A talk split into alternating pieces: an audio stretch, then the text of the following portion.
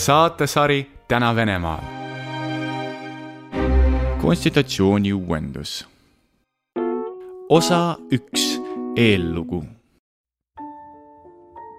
otsustasin juba esimesel tööpäeval Venemaa presidendina, et ma ei hakka konstitutsiooni reegleid rikkuma. Te teate ju küll, inimesed kipuvad sõltuvusse jääma erinevatest asjadest keegi jääb tubakasõltuvusse, keegi jumala andestagu narkootikumite sõltuvusse, keegi on sõltuv rahast. Öeldakse, et kõige suurem sõltuvus on võimust. mina ei ole seda kunagi tundnud. ma ei ole üldse kunagi olnud sõltuv millestki. ma arvan, et kui Jumal andis mulle sellise õnne töötada oma riigi nimel, millega ma olen alati tugevat sidet tundnud, siis pean olema ainuüksi selle võimaluse eest tänulik.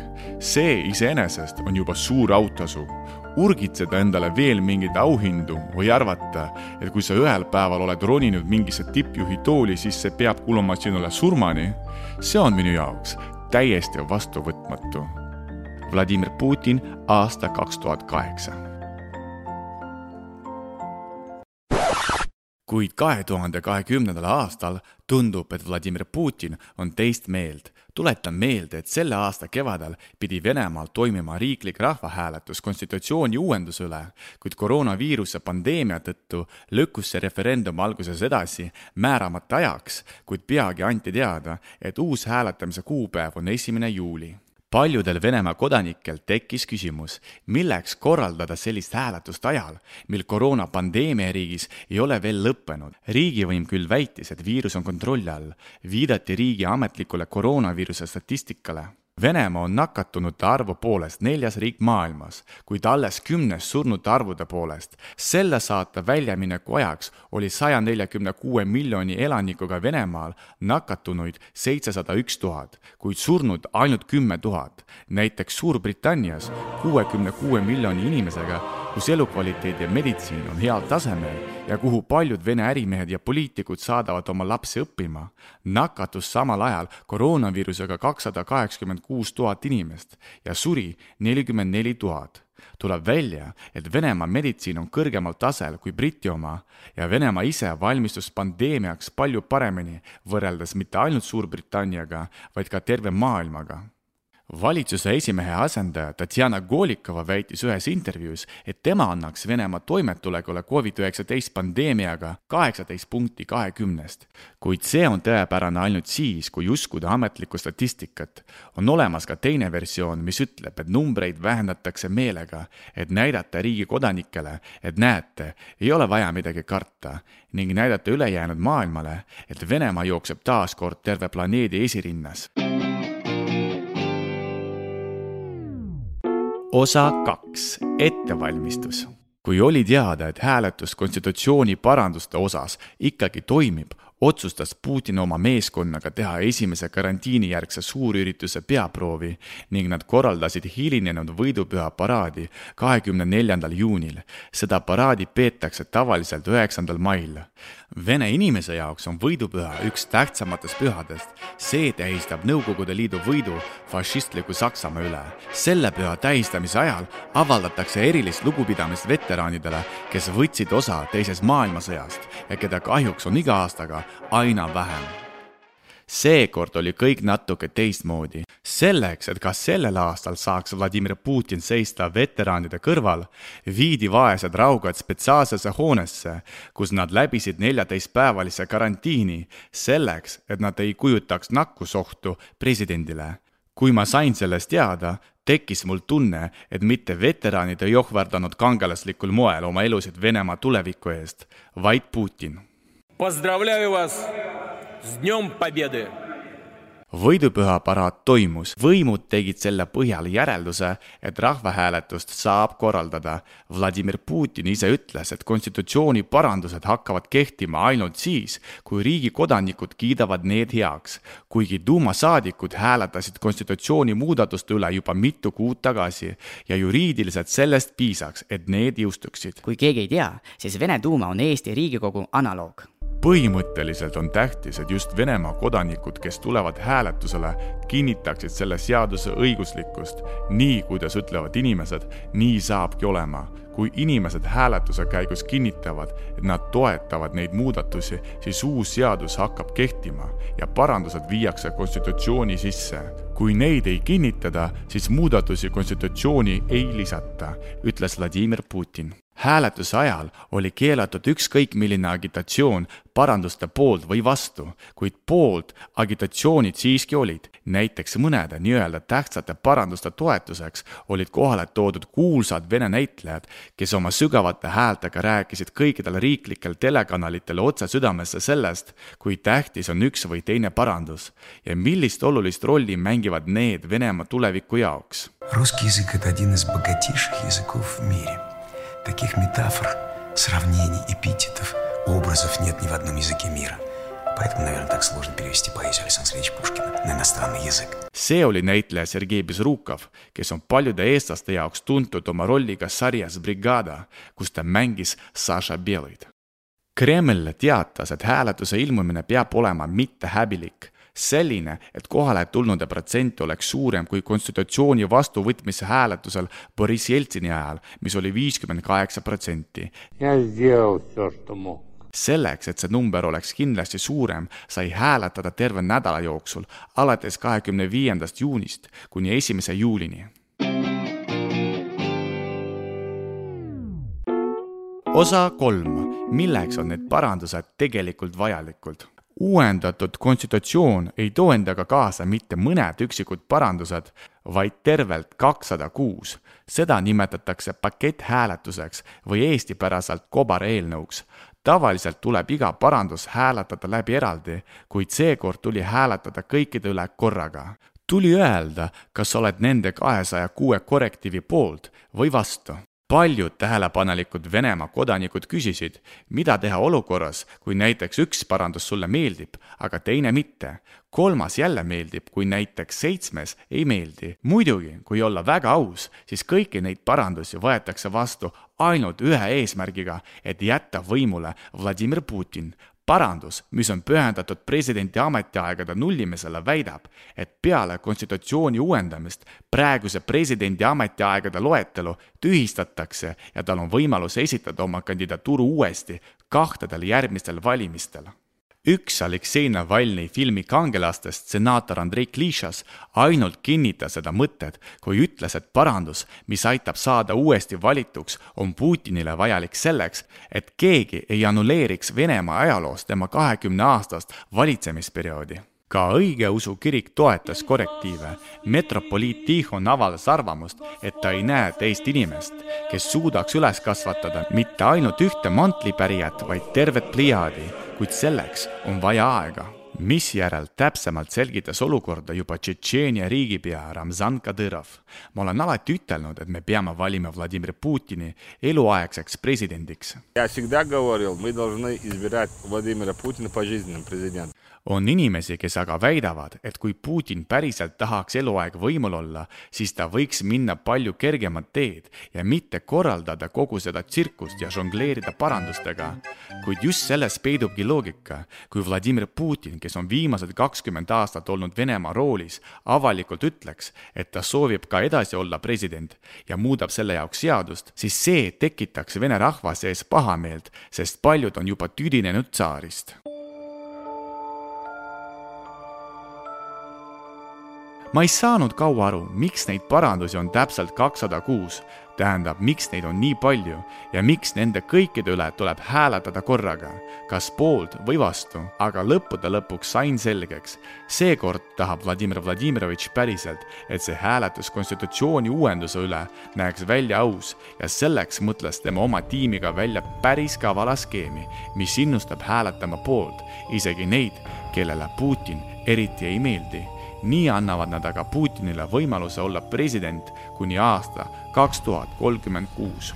kujutage ette, et te väga armastate ponšikuid ja tegutsev Vene võim pakub teile, kui te hääletate paranduste vastuvõtmise poolt, siis iga kuupalga juurde te hakkate saama tasuta kakskümmend ponšikut muidugi ponšikute all on mõeldud soodustusi või toetusi, näiteks fikseeritud minimaalne palk üle terve riigi, mis ei sõltu linnast, kus te elate. iga-aastane pensionide indekseerimine selleks, et pensioni suurus oleks alati kooskõlas riigi majandusseisuga, loomade ja vene keele kaitsmine ja nii edasi. ja kui inimene näeb vähemalt ühte korrektiivi, mis on tema jaoks tähtis, siis ta hääletab selle korrektiivi poolt, unustades lugeda kõiki ülejäänuid kuid need, kes loevad edasi, varem või hiljem avastavad sellist parandust, mis neile ei meeldi.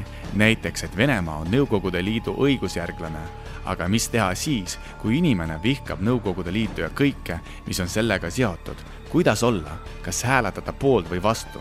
näiteks USA-s, mis on Venemaa suurim ideoloogiline vastane, on terve selle riigi ajaloo jooksul võetud vastu vaid kakskümmend seitse konstitutsiooni parandust, millest ainult esimesed kümme olid vastu võetud korraga, kaugelt tuhande seitsmesaja üheksakümne esimesel aastal.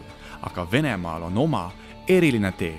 päriselus tuleb välja, et enamus Venemaa kodanikest isegi ei tea, et korrektiive on kakssada kuus sest tänapäeval inimestel on nii kiire, et nendel pole lihtsalt aega nende paranduste lugemiseks, kui välja arvata pensionärid ja kinnipeetud. osa neli, kuidas hääletus läbi käis seda peatükki tahan alustada järjekordselt nentides, kui äge on elada Eestis. Ja kõik, mida ma edasi räägin, põhjendab, miks nagu te juba teate, põhiseaduse uuendamise hääletus toimus kahekümne viiendast juunist esimese juulini. eriti tahan ma pöörata tähelepanu sellele, kuidas see hääletamine oli korraldatud. Venemaal on nagu ka Eestiski juba mitu aastat mugavamaks hääletamiseks kasutatud ka e-hääletust, kuid muidugi ei toimi Vene e-süsteemid nii ladusalt nagu meil. näiteks telekanali Dožd ajakirjanik Pavel Lapkov hääletas alguses paranduste vastu interneti teel ja siis hiljem tuli valimispunkti ja hääletas uuesti vastu.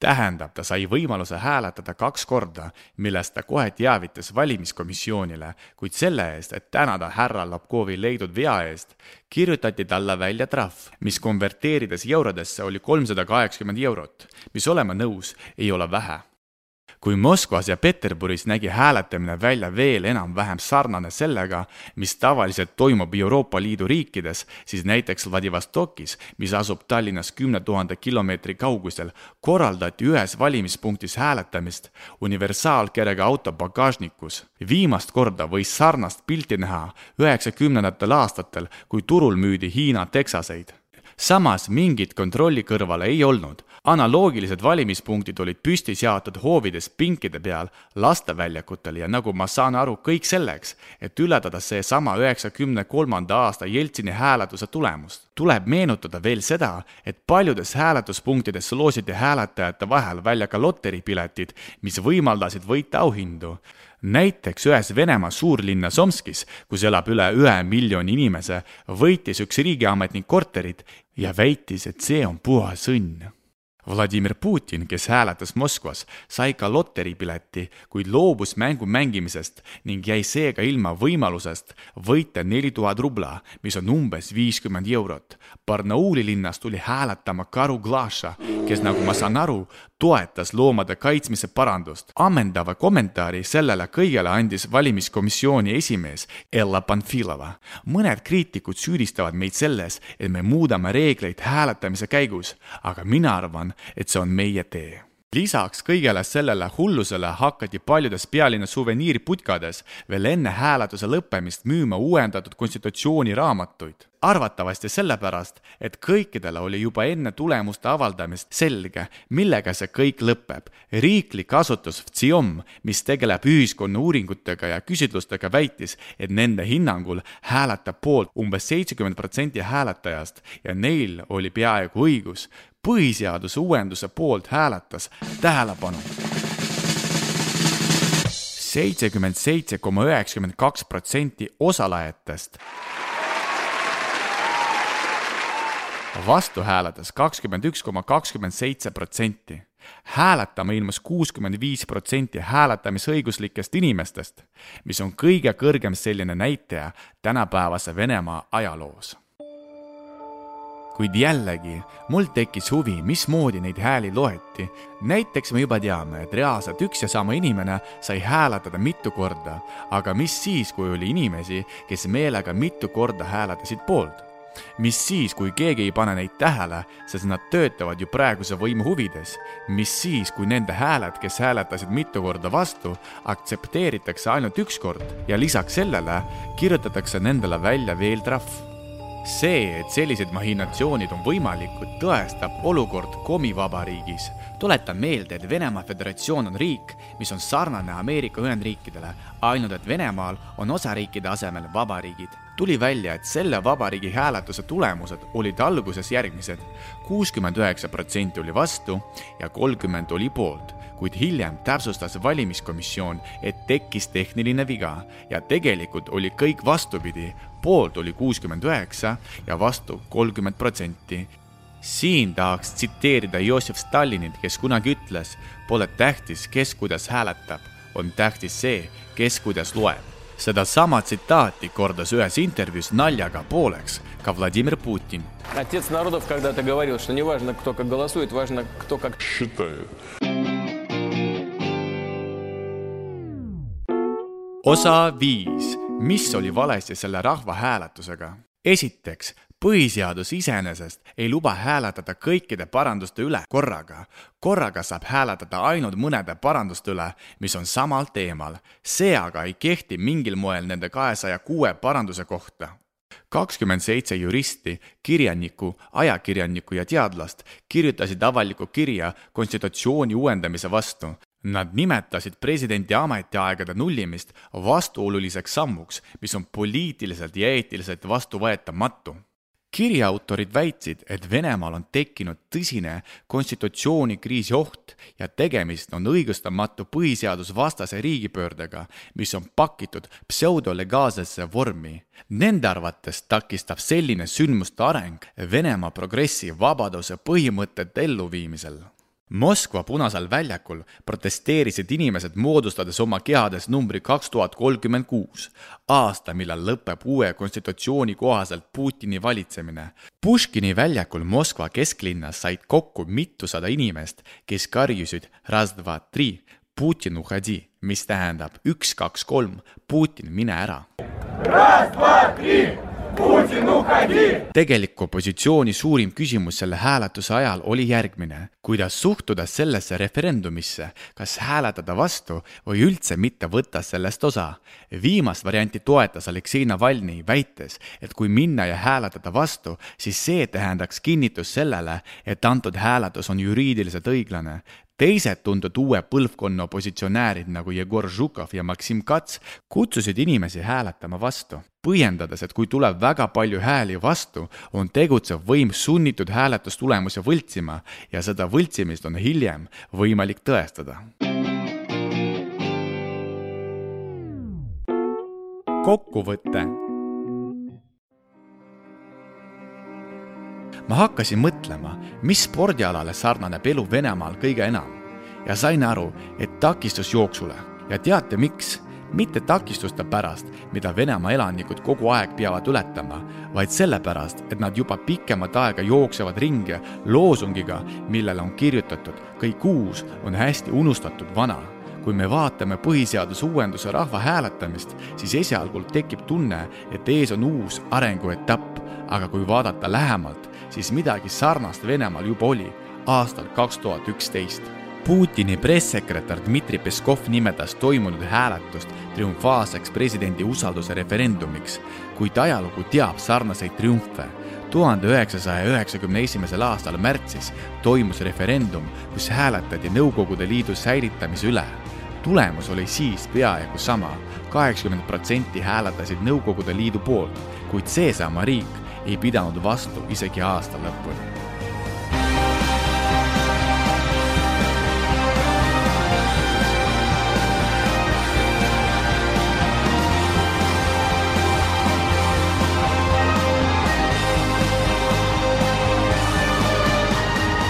see oli saade Täna Venemaal, saadet tegi Georgi Abalõmov ja nagu alati saate lõpus suurepärane muusika Venemaalt, Zivert ja Niljeta lauluga Fly to. До встречи!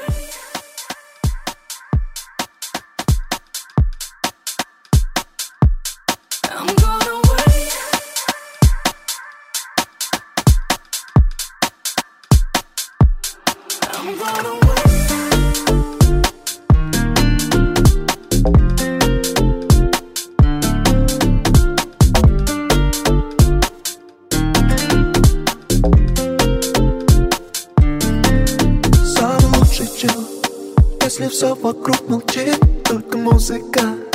Но она у нас внутри, мы как светлячки.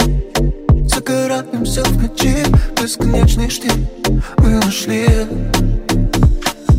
Выше облаков дыха Наш птиц порхает Научи меня их любить Лофайн Давай их считай До нас с тобой не хватает.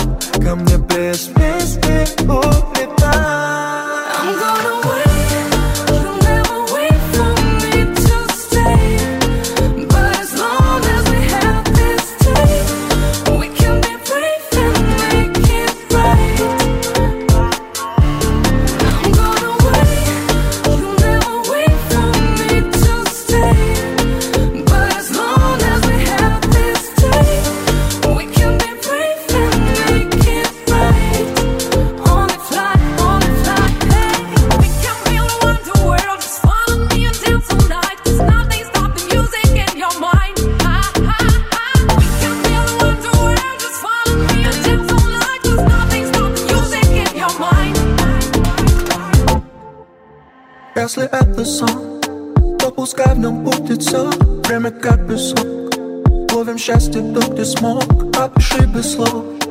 что такое это love? И за горизонт на двоих